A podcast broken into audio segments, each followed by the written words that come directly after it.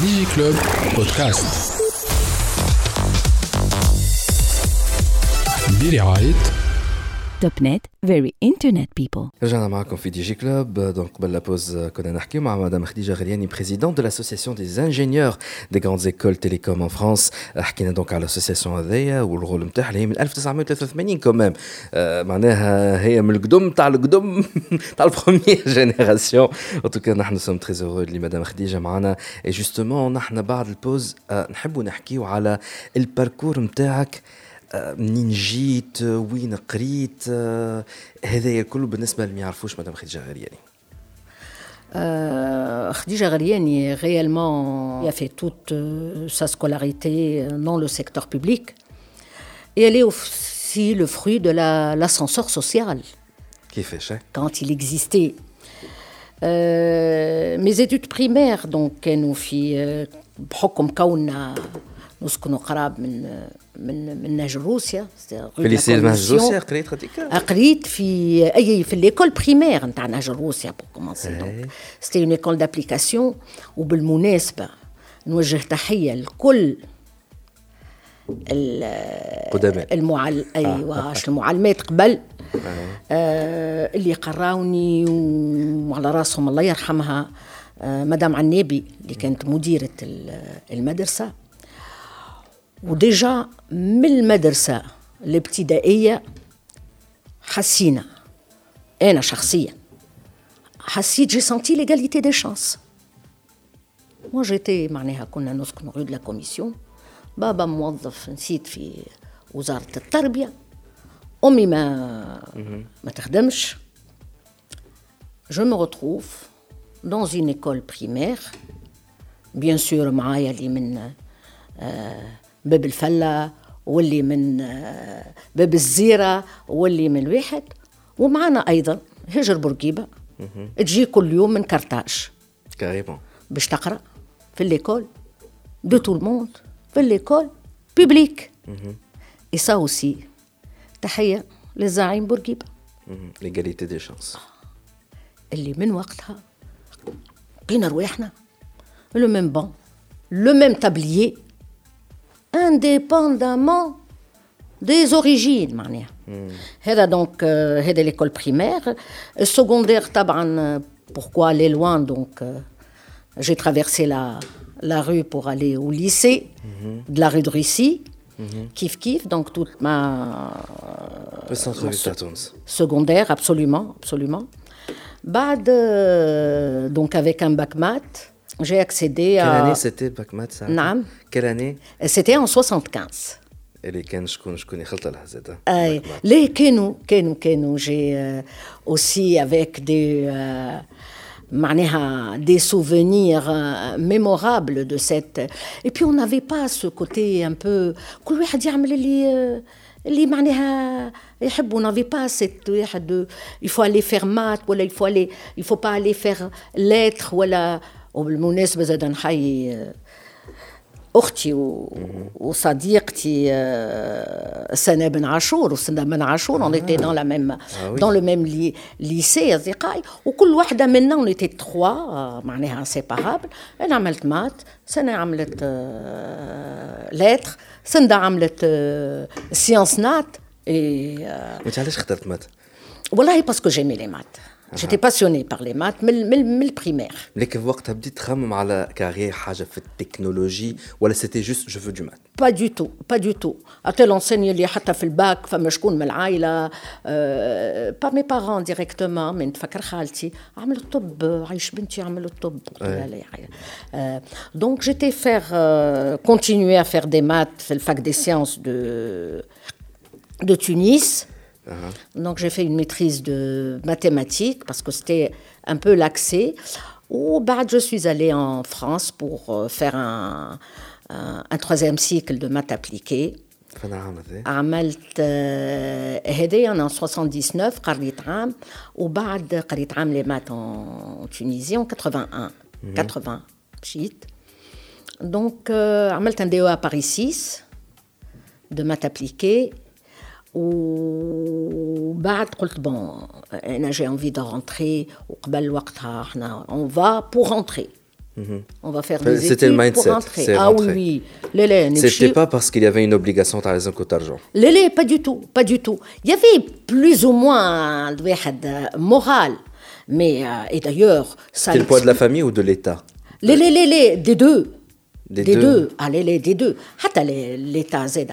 Les, les, الكلنا on était dans cette euh, واحد تمشي تقرا باش ترجع. Et d'ailleurs, toute ma génération qui ont vécu pendant معناها ما نعرفش أنا moi 10 ans en France, d'autres on n'a pas la nationalité française. Oh Ah oui, oui, oui. Pour la plupart d'entre nous, ليه ما- ما- معناها ما معناها باش لبالنا. Pourquoi faire باش نع- باش نروح. وحسب رايك حقكم في لي كونديسيون تاع اليوم فورسيمون اللي Ah, oui, oui, oui, les, les, bien sûr, je comprends. Les, les. Les, في les conditions نتاع اليوم euh, On peut je comprendre que comprends, les- ouais. les gens- انا ولدي euh, ولدته في فرنسا le premier il a eu la لا ناسيوناليتي ah, il a eu la nationalité j'ai dit oui mais احنا c'était c'était C'était ça un mindset. le, le- le- voilà Et, donc, euh, à Paris, ici, je, me suis dit, bon, je vais faire je vais rentrer. Et donc, il vaudrait mieux une thèse, ça peut me prendre plus d'années. Et une thèse, si je fais une thèse, c'est pour faire de la recherche là-bas. Les labos de, recherche, Radi, c'est très attirant. Euh, donc, Colt, euh, bon, on a euh, une école d'ingénieurs. On va voir euh, les maths appliquées à autre chose et donc appliquées au télécom. Et c'est comme ça que j'ai intégré Télécom Paris. C'était en quelle année euh, C'était en 82. En 82. En 82. Toujours à Paris, d'accord. Toujours à Paris, je suis entrée sur titre et voilà, donc... Euh... Et en 82, donc, les télécoms et, et c'était là la découverte, voilà, début de la passion ولا c'était comment t'as juste voyons voir ce nouveau truc Non, non, non, non, non. Moi, je me rappelle une chose. آه، كي كنت صغيرة وكنت في تونس آه، كان والدي آه، j'étais toujours accrochée au téléphone. أنا Ah bon خويا اللي نحيي زادا parce que c'est grâce à lui aussi que je suis partie en France. Il m'a beaucoup appuyé. Zeda pour partir, il est, il est avocat. Et آه،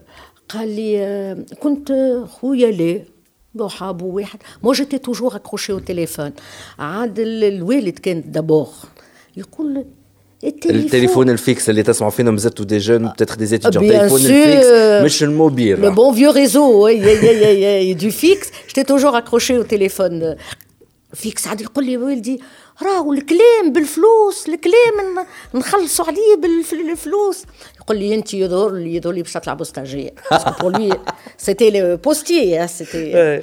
et donc ça ça m'a rappelé les c'était surtout et puis le secteur commençait معناها les années 80 ça- البلد à se والبرق والهاتف à développer aïe, aïe, aïe, le, le, le, le réseau euh, classique. Et, et là, c'était euh, الحق, euh, une période euh, très, très riche et très intéressante, euh, aussi bien à Paris 6, à Jussieu, qu'à Télécom Paris. الحق, qui était- وفي تيليكوم باريس ساعتها شنو اللي اللي اللي اكتشفته والا شنو اللي جاتك في مخكم تاع لازمني هالتكنولوجي ولا هاللي تعلمته جو دوا l'appliquer en Tunisie c'était comme ça Aïe, aïe, aïe. احنا وقتها cette période là c'était euh, à une grande programme, on peut pas appeler stratégie, mais un grand, grand, grand programme en France de développer ce secteur-là. Parce qu'à l'époque aussi, il y avait. En France, à l'époque. En, France, à l'époque. Parce qu'à l'époque aussi, euh, les jeunes pour avoir une ligne fixe, il faut parfois attendre des années. Mhm donc là aussi, il y avait des retards dans le développement du secteur. Certaines régions de France. Pour avoir le, téléphone, il faut, il faut attendre. Il, faut, il y a une, li- une liste d'attente, il faut attendre. Fitoun, c'était aussi des années. Et donc j'ai vu comment il y avait une mouvance, il y avait Waktal, euh, tout un programme donc, euh, euh, de développement du réseau. Et donc ça, ça m'a...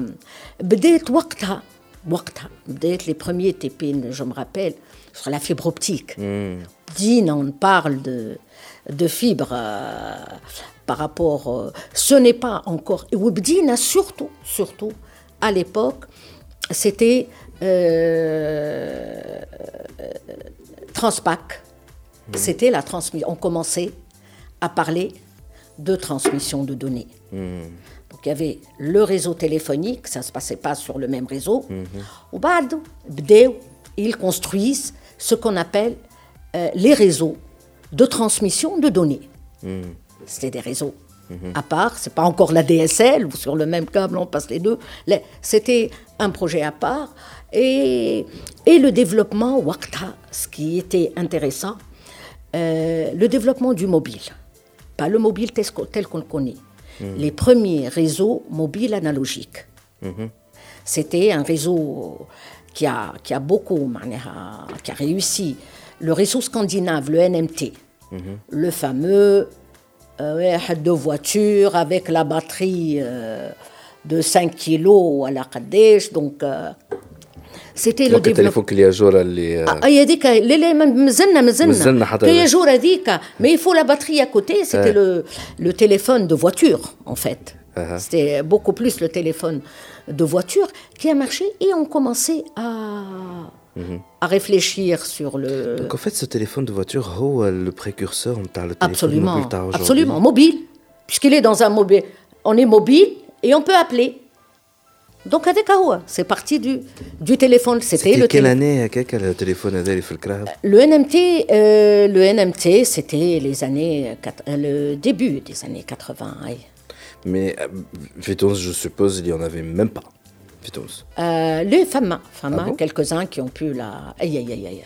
Les années, euh, bon, vraiment. Est-ce qu'à l'époque, on 70, était en retard? euh, 80, oui. À l'époque, on était en retard. Ouais, fin elle... 70.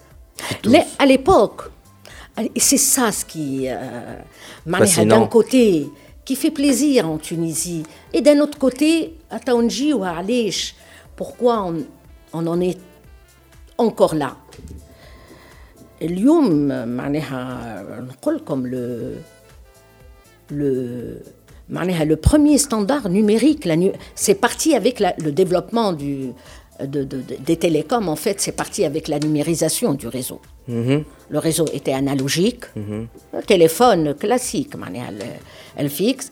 Et on a passé à le signal qu'on envoyait de façon analogique, mhm. on l'envoie de façon numérique, en codant 0 et 1. Et donc ça, ça a révolutionné tout le secteur. Et donc la Tunisie et c'est ça ceux qui m'ont précédé, même Ena ou Koul, on fait toujours les bons choix au bon moment du numérique. وهذا لا معناها نحيي اللي سبقوني واللي مازالوا اللي توفوا واللي مازالوا على على قيد الحياة. قا- قيد الحياة آه، اللي الحق آه، ils ont fait les, les, les bons choix خاطر وقتها سي لي بروميي سونترو نوميريك يقول لك أنا لي تكنيسيان ولي زانجينيور متعلمين على الأنالوجيك. على نكسر في راسي مازالوا حتى ما حطوهمش سو لو ريزو دو فرونسي ولا لو ريزو سويدوا ولا علاش أنا نحطهم علاش أنا نحطهم؟ مي زون في فريمون لو معناها le bon choix سي رؤوف شقير سي زهير بلكحل الله يرحمه توفى ديرنيامون معناها آه، سي ابراهيم خواجه توفى زاد هما اللي اللي- اللي اللي ils ont fait euh, ces choix là et donc c'est parti donc on était un petit peu en avance et même وقتها نتفكر وانا j'étais encore à l'école j'arrive et je vois qu'on a choisi en Tunisie le NMT وقتها اول réseau خديناه parce qu'il y avait d'autres euh, il y avait un système américain un système euh, euh, وقتها japonais mais on a fait choisi le meilleur وقتها وبدينا بالان نتاعي حتى في تونس donc euh, ça c'était euh, les bons choix et, انت et vous donc- vous êtes spécialisé ساعات في الوقت في الام تي سي سا وقت قريت في التليكوم سود باري لا نقراو كل شيء نقراو كل شيء. كل شيء mais انا bon j'ai eu la chance de, de faire mon projet de fin d'études avec l'équipe qui a développé la norme GSM et ça c'était extraordinaire خاطر, euh, Vraiment, j'arrive, c'était le, CNET, Centre national d'études en télécommunications, avec une équipe. France, toujours France. France, c'était pour, pour euh, mon, projet, mon projet de fin d'études, 84. 84, d'accord. Donc, euh, j'arrive, أنا بيدي نعرف لو ان ام تي نعرف اللي فما سيستم انالوجيك نعرف كي دي تونتاتيف دي بيي اوروبيان كل واحد آه، فرنسا مثلا عملوا واحد سموه إي إر تي 2000 كي نا با مارشي افيك دي بورن سي با لو سيلولير هكا. افيك دي بورن سا نا با مارشي جاريف أول مرة في اللابو في افيك ليكيب قدموا لي البروجي بيان سور On m'a demandé de faire une étude comparative hein, dans mon projet sur les systèmes existants analogiques. عادي قد كي قدموا لي لو ريزو لو projet اللي يخدموا عليه قالوا لي والله on travaille sur un projet qui s'appelait وقتها la téléphonie cellulaire numérique à 900 mégas. Ça s'appelait comme ça, 900 mégas à 900 mégas. aïe. par rapport à la fréquence euh, mégahertz Les fréquences euh, aïe, aïe, aïe, utilisées dans la bande de 900. 900 mégahertz. aïe, aïe, aïe. هذايا الاولاني 2G ولا et le hauteur jusqu'à aujourd'hui utilisé لا لا اي jusqu'à aujourd'hui utilisé mais 3G ou le 4G Ah, c'est- c'est effectivement. d'autres euh, d'autres fréquences bon ايه قالوا لي احنا on table معناها la personne وقتها بي- s'appelait Bernadette Poté واحدة une petite comme ça efficace comme ça قالت لي احنا on table ça sera un système pour les hommes d'affaires qui voyagent وقالت لي اون تابل سور 400 000 abonnés هو قلت لها 400 000 abonnés سي c'est énorme énorme Ouais. pas de et c'est parti شو comme يخرج ça. تقول لها فاش تخرف يا بنيتي ليه دوك قلت لها heureusement je suis assise 400 000 abonnés قالت لي donc un table sur et donc c'était cette اللي آه، معناها عشتها en partie معاهم je me rappelle معناها بعد ال بعد ال الفطور معناها on avait la, la pause déjeuner il y avait les techniciens les ingénieurs une petite camionnette كستافيت كي نتاع البوليسيه في فرنسا une antenne طاخله آه، فيها avec des appareils de mesure يترعشوا آه، في الواحد ويعيطوا لي يا لي viens avec nous on va faire un tour à Is- c'était à ici les Moulineaux et on va faire un tour à ici les Moulineaux وهما وقتها ils mesuraient le handover, le passage d'une cellule à une autre. D'une antenne à une autre. D'une antenne à une autre, qui fait la communication. C'est ce qu'on appelle le handover. Le handover. Donc, euh, et c'était, c'était une manière aventure comme ça. Au bas de sort de ça, elle dit, ceux, même ceux qui étaient dedans, après, Bernadette Poté, l'UIT, elle a déposé la norme GSM, qui est une norme européenne. C'était un projet entre l'Europe, entre la France et l'Allemagne. Mm-hmm. Et donc, Roumébidon n'y croyait pas. Mais il n'y avait pas un autre pays qui préparait une norme pareille, voilà, qui travaille sur la même technologie? En tout cas, le GSM, la norme est une norme européenne Et européenne et particulière, elle a été développée au CNET en France. اللي انت كنت حاضره عليه انا كنت حاضره عليها دونك حاضره عليهم وحاضره على لي مزور اللي يعملوا فيهم avant d'élaborer bien sûr le standard et la norme et de la présenter cette même équipe a présenté la norme à l'Union internationale quelle des année قلنا télécoms بالضبط هذايا elle est en 84 en 84 معناها انت حاضره على ce que aujourd'hui c'est devenu هي la norme en fait le téléphone mobile انت كنت حاضره عليه tout en fait euh, انا اي اي حاضر عليها وحاضر على l'équipe et c'était en- en fait c'est ça les technologies ساعات il y a des technologies qu'on voit pas sortir des labos qui sont, euh, euh, معناها sur lesquelles les chercheurs travaillent beaucoup كل. mais أنا il me semble d'après moi علاش le téléphone a, a connu toute cette euh, réussite depuis sa création, début du siècle dernier ou même, mm. à la khater, il est facile d'usage. On n'a pas besoin d'aller à l'école pour savoir utiliser un téléphone. Téléphone l'ordi. Ndaourou un cadran, ou une manivelle, ou on appelle l'opératrice. Mm. Juste connaître des numéros peut-être.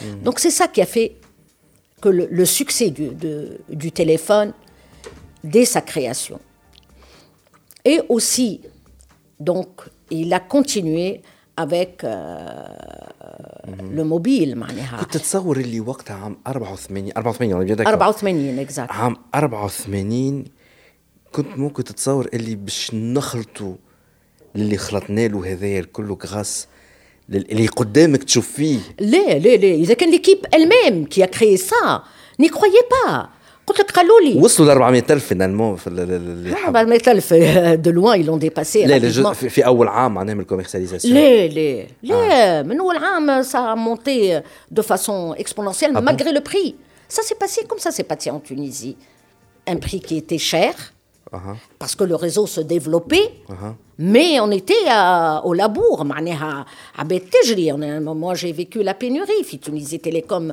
de, du téléphone, parce que la demande avançait beaucoup plus vite que le déploiement du réseau. Donc, c'est ça qui a fait.